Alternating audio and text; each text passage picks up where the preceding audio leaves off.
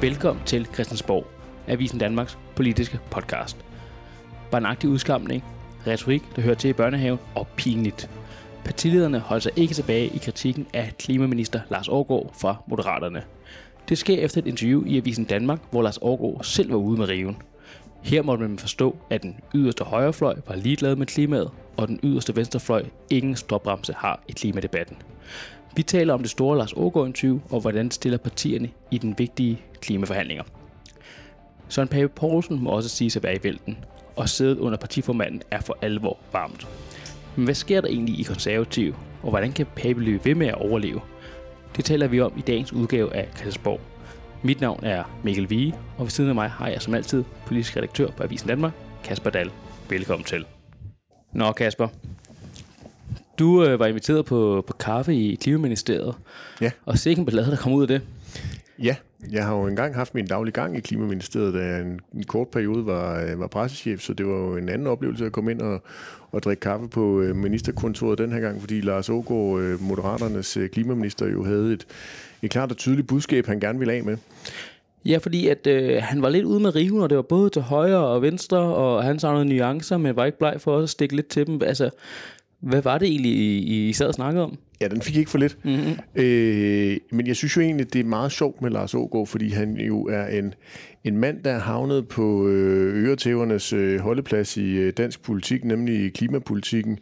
Øh, de står og slår på ham fra højre og venstre, og i virkeligheden kan han jo så på den måde forsøge at gøre det, som Moderaterne allerhelst vil, nemlig at være det der sådan, fornuftens stemme, kompromiset mm. inde på midten, der, øh, der kan finde det, som måske op mod de der 80 procent af danskerne kan være enige i.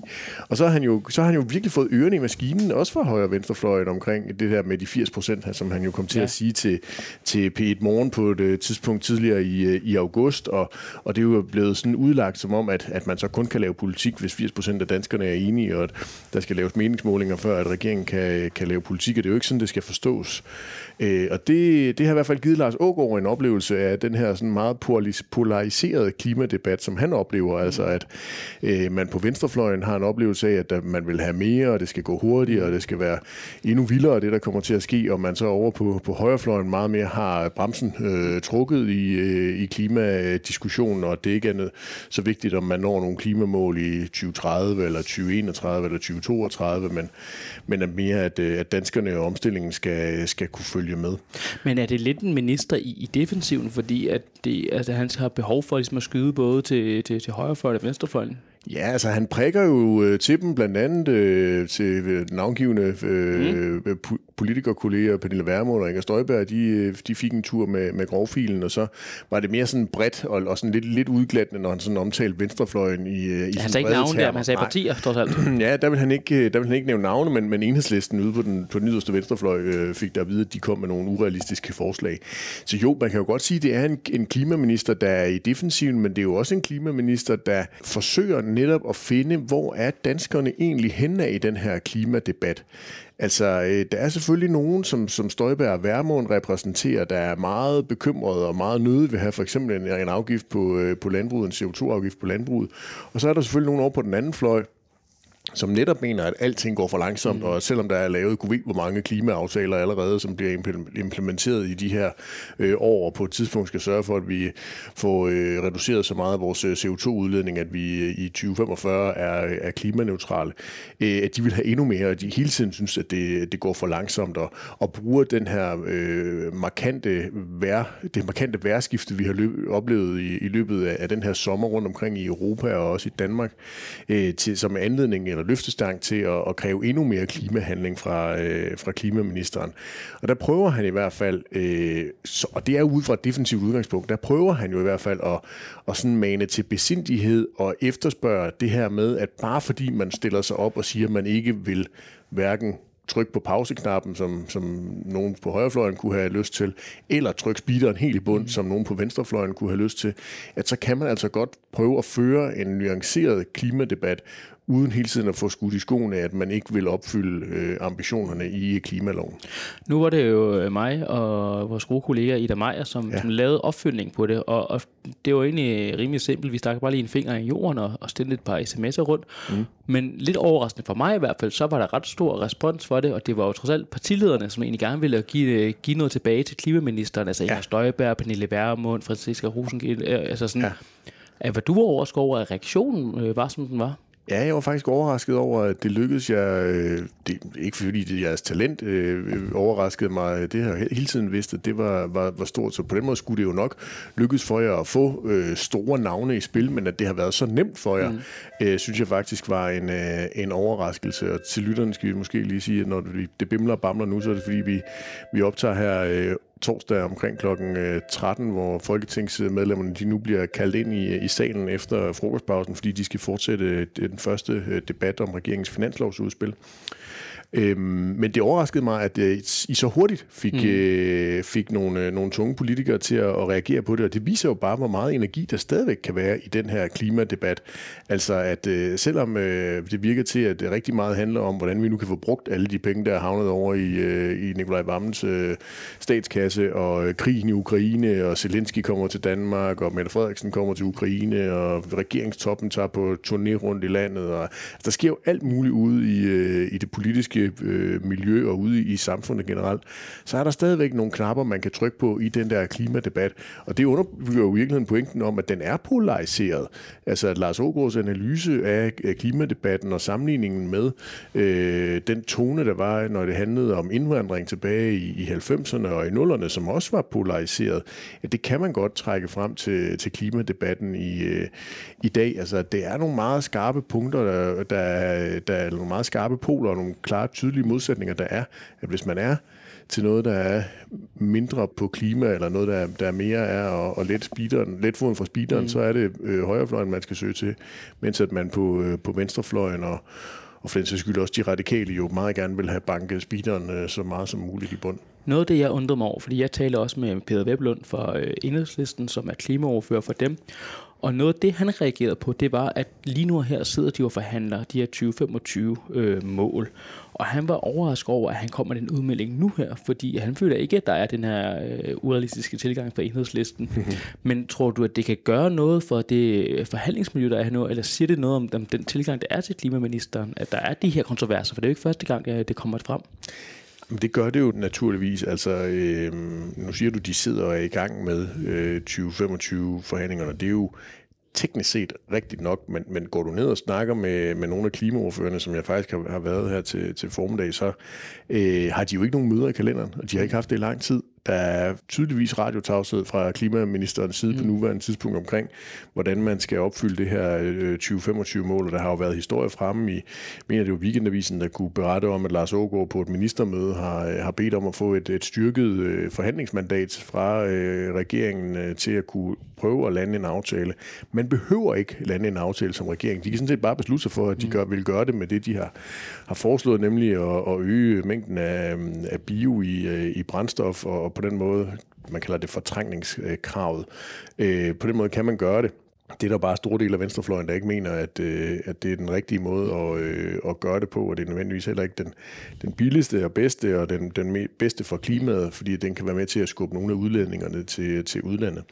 Men regeringen behøver teknisk set ikke et, øh, et flertal, så den forhandler jo, fordi den gerne vil have en bred aftale på det her område, og at de gerne vil forsøge at se, om de kan lægge en dæmper på det der klimadebat øh, ved at prøve at indgå nogle brede aftaler, men så skal de jo være villige til at strække sig meget længere end det, de til synligheden har været villige til på nu nuværende tidspunkt. Så det siger naturligvis noget om forhandlingsmiljøet, at Ågård er nødt til, eller føler sig kaldet til, at invitere over på kaffe og lade sig interview om øh, tonen i klimadebatten, fordi han, han er øh, presset. Men det er også det, fordi den, den, den undring også har, er det gået hårdt nu, så det her? Fordi når du siger, der ikke er møde i kalenderen, og der er lidt øh, debat i, i medierne, hvor de skyder på hinanden det er jo i hvert fald gået i hårdknud på den måde, at øh, de andre partier kommer jo med nogle, mange gode forslag, men, men, men klimaministeren har en oplevelse af, at øh, de ikke rigtig har finansiering, der følger med til, hvordan man så skal finansiere de gode øh, tanker, de har om, hvordan man skal, øh, skal nå mål i, øh, i 25. Så er der jo også et ambitionsniveau. Altså, der er jo lagt et spænd ind, hvor det handler om, at man, jeg mener, det er fra 50 til 54 procent, man skal have reduceret med øh, i, øh, i 2025, hvor regeringen jo lægger op til, at man kommer op på 50 procent, og der er nogle af de andre, der gerne vil endnu længere, altså 51-52 procent. Og det er jo også den diskussion, der, øh, der ligesom pågår, at hvor langt skal man op i det her øh, interval, hvor regeringen lægger sig i den, mm. den absolut nederste del. Så, så, så der er mange parametre, der spiller ind i de her øh, 2025 øh, forhandlinger.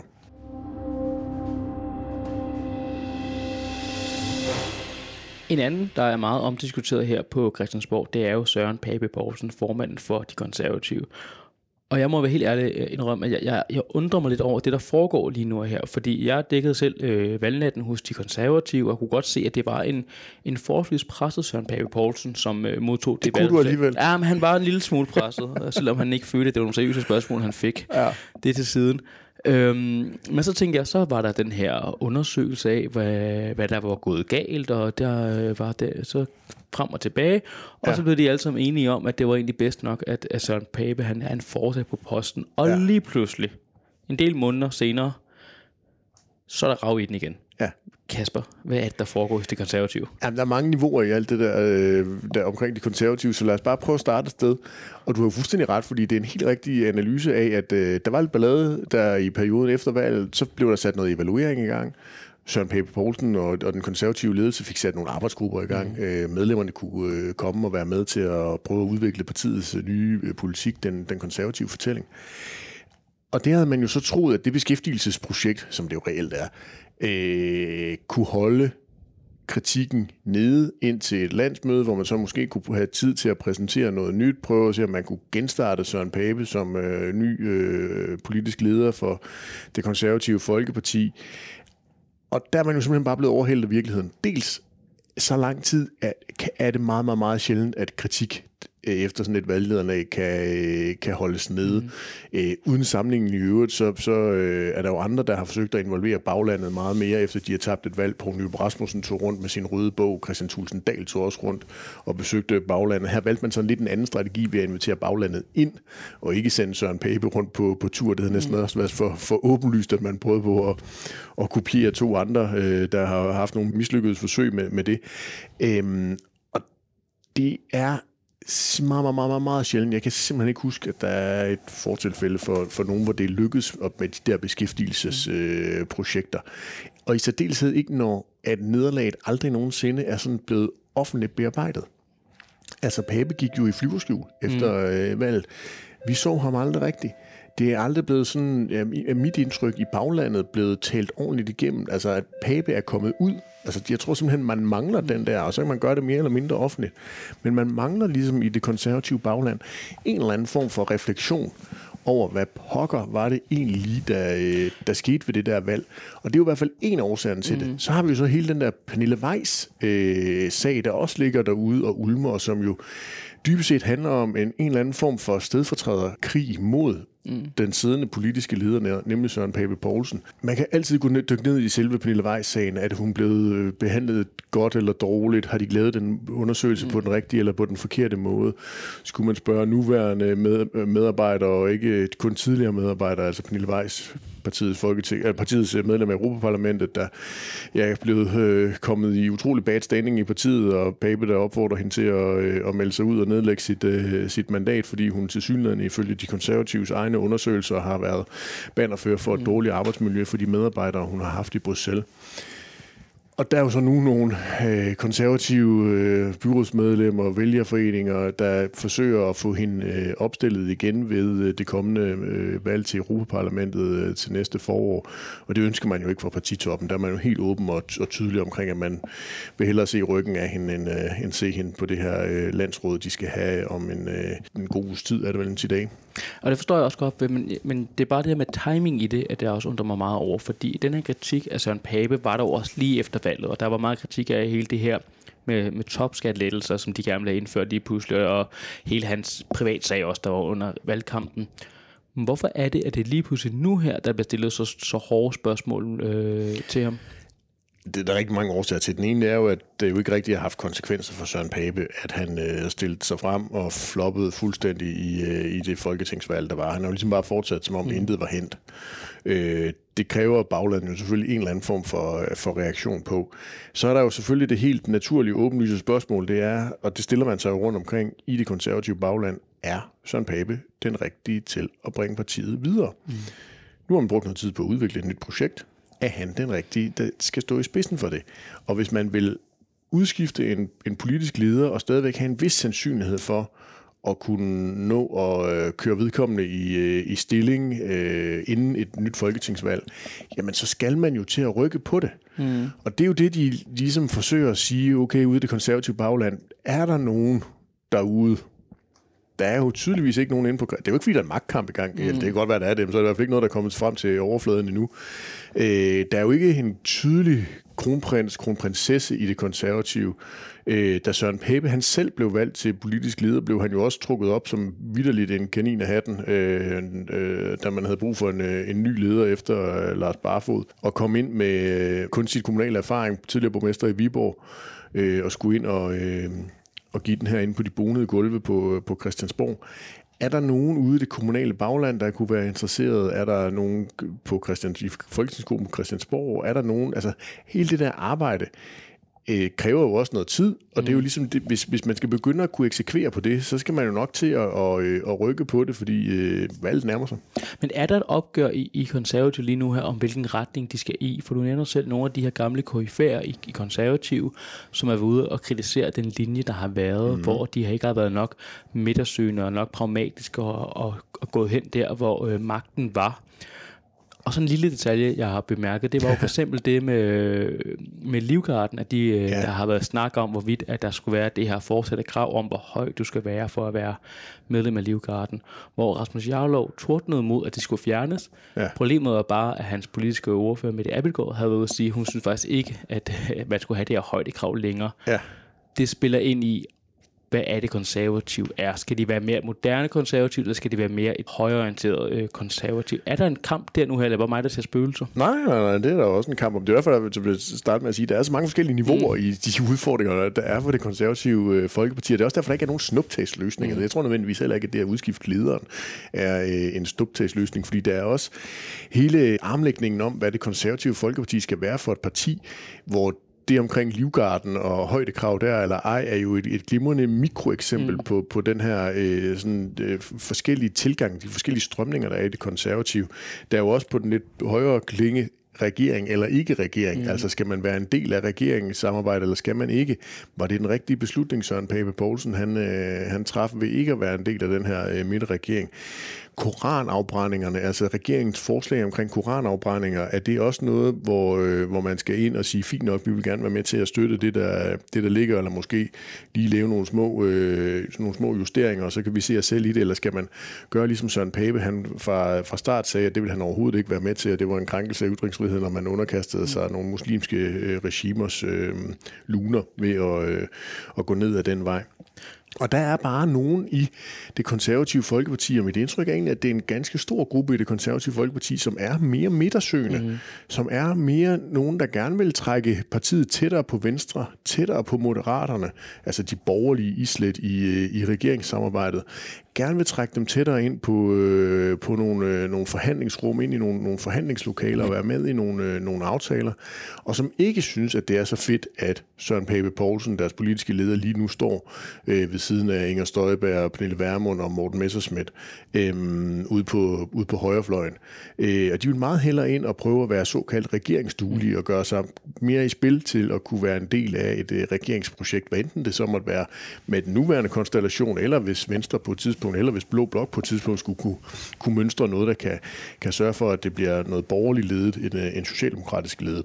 Noget jeg også lige nødt til at forstå, det er hele den her Pernille Weiss-sag, fordi at som du selv har opsummeret, det jo handler om, hvorvidt at, øh, at hun kan fortsætte i partiet, og partiet mener så, så at hun har været opført så dårligt over for nogle medarbejdere, derfor kan hun ikke fortsætte, mm. hvor hun mener, at det har ikke været, været tilfældet. Mm. Men hvor alvorlig er den for Søren Pape Poulsen, eller er det bare nogle lokalforeninger, som er lidt modstridige? Og jo, det bliver jo en stedfortræderkrig, fordi der er jo ikke nogen af dem, der stiller sig op og siger, Søren Pape... Ja, der har været en enkelt, tror jeg, der har stillet sig op og sagt, Søren Pape han ikke skal være partiets mm. Øh, leder længere. Men, men, men det, er jo ikke den, det er jo ikke den strømning, vi ser derude nu. Det kan være, at den kommer på et eller andet tidspunkt, hvis der ikke kommer noget mere fra Søren Pape og, og den konservative partitop, der kan berolige og betrygge dem om, at Søren Pape er den rigtige til at stå i spidsen for partiet. Øh, så bliver det jo en stedfortræderkrig, fordi Søren Pape han selv så aktivt er gået ind i at sige, at Peter Weiss kunne, ville han simpelthen ikke have, og det var, hun havde været forfærdelig personalleder over for dem der, og han opfordrede hende til at, at nedlægge sit mandat. Det har han jo selv været ude at gøre. Mm. Så bliver det jo en stedfortræderkrig, øh, hvor det er, at, øh, at dem, der måske er utilfredse med Søren Pape, kaster sin støtte efter eller kaster deres støtte efter øh, Pernille Weiss, for at støtte hende og sige, at hun er også blevet uretfærdigt behandlet, og skulle vi ikke sørge for, at der kommer en ordentlig undersøgelse, og hvad er det nu lige, der foregår, og, og øh, sådan noget omkring øh, hendes øh, kandidatur. Kan man tillade sig at sige, at sådan Pape han også er en lille smule øh, uheldig, fordi nu prøver han i den her Pernille Weiss sag at faktisk at tage tyrene ved horten og siger, vi reagerer på nu her, i stedet for at det skal blive en mediesag, hvor det er ekstrabladet, der afslører det her, så det er konservativt selv, der kommer ud med det. Og så ender det med lækager til medierne og kæmpe debatter. Altså sådan, hvorfor er det også, at det her lige pludselig rammer ham øh, som en boomerang? Om det er jo, Søren Pape er jo, har jo gang i en virkelig, virkelig øh, hård og ondsindet øh, rodbehandling, hvor nærmest ligegyldigt hvad han gør, så står de og borer ned i, øh, i gebisset øh, på ham, og det gør rigtig, rigtig ondt, fordi så meget har han bare ikke at tage af. Altså mm. han tabte jo alt det, han havde fået sat ind på kontoen hos både de konservative bagland og hos vælgerne, øh, og for det skyld også sine politiske kolleger, det tabte han jo ved, ved folketingsvalget valget, øh, hele perioden omkring valgkampen, og så jo også det forfærdelige øh, valgresultat, som partiet fik. Så der er jo ikke mere tilbage. Det er jo helt nede ved rødderne, vi er nede og, øh, og borer i på, på nuværende tidspunkt.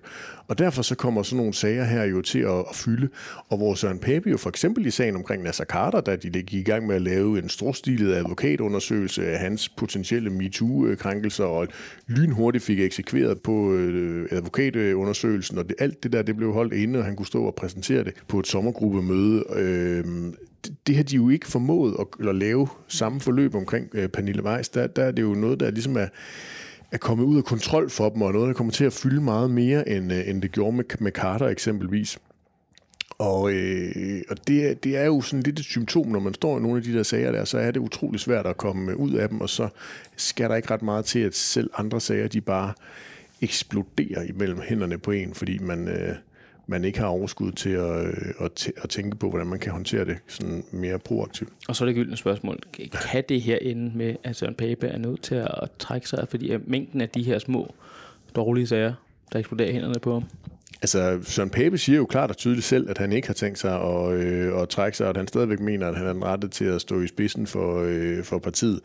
Øh, men ja, det kan det da sagtens øh, komme til at betyde. Jeg tvivler da på, at øh, sådan, hvor, hvor store dele af det konservative bagland, der kommer til at have tålmodigheden mm. med Pape, når partiet ligger og ruder rundt nede på de der øh, øh dårlige, med de der dårlige meningsmålinger, og, øh, og at man i hvert fald i det konservative baglandsoptik, har en, en fornemmelse af, at det politiske kompas ikke helt er skarpt nok. Nu må man jo så vente og se, hvad det er, der kommer af øh, konservativ kernefortælling af 2023, som Pape han vil lancere øh, i forbindelse med øh, landsrådet i, i Herning om 10 dages tid. Men før man ligesom har set det, der, øh, jeg, jeg tror ikke, der kommer til at give noget inden, det er svært ved at mm. forestille mig, men, men, men, men vil man tro på den fortælling, kan man tro på, at det er det, der kan løfte partiet videre, så kan det godt være, at Pape bliver, men, men øh, ellers så tror jeg altså, man er i gang med at finde ud af, hvem er det i virkeligheden, der, der kan være kandidat til at overtage det her parti på, øh, på sigt.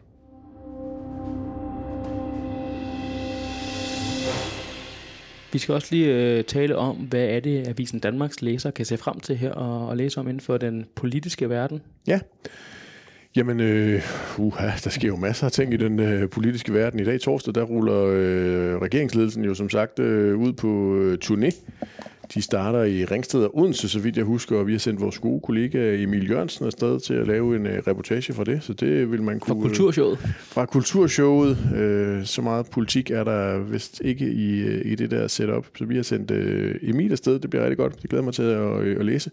Og så er der jo en ny bog på vej i dansk politik, nemlig uh, De Radikales politiske leder Martin Lidegaard, der har lavet et nyt manifest. Det er måske ikke for meget at, øh, og, øh, at kalde det, men han har i hvert fald skrevet en, en bog, som han kalder for Generationskontrakten, og det skal vi have interviewet ham om, og det vil man også kunne læse om i, øh, i weekenden.